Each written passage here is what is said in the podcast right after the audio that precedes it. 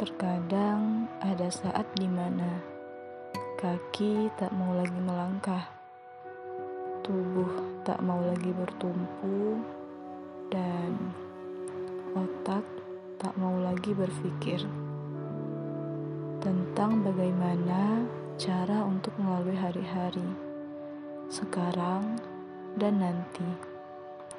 Sudah terlalu lelah lelah memikirkan gimana cara untuk bertahan dan tetap kuat di bawah tindihan ujian.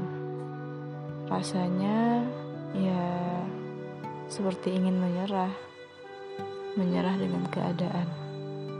Hati merintih, tak mau lagi memikirkan ke depannya akan seperti apa. Ketika berbagai cara baik sudah kau lakukan untuk bertahan, namun tetap saja Tindihan ujian itu rasanya tak berkurang, justru malah semakin bertambah.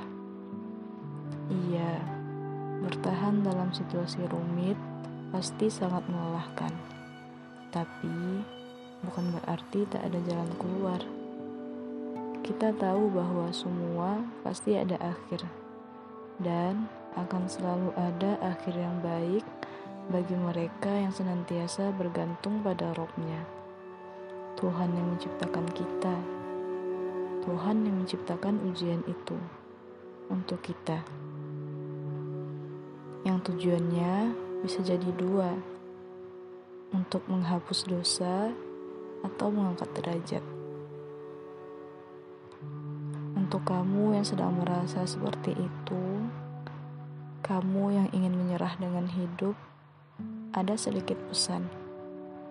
Ketika lelah membuat diri ingin menyerah, coba ingat lagi bahwa kamu juga punya masa depan yang pantas kamu perjuangkan. Kamu pasti ingin yang terbaik untuk anak-anak dan keluargamu. Bukan begitu?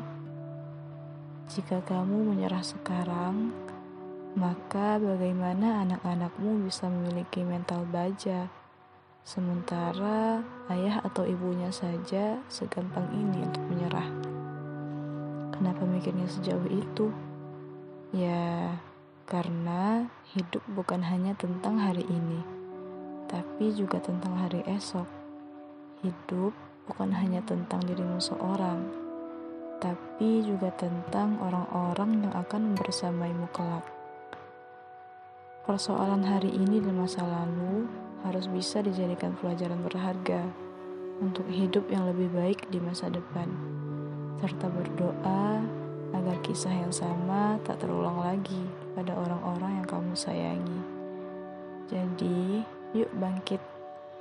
Jangan berhenti di tengah ujian, karena kalau nggak lulus ujian, kamu nggak bisa naik kelas.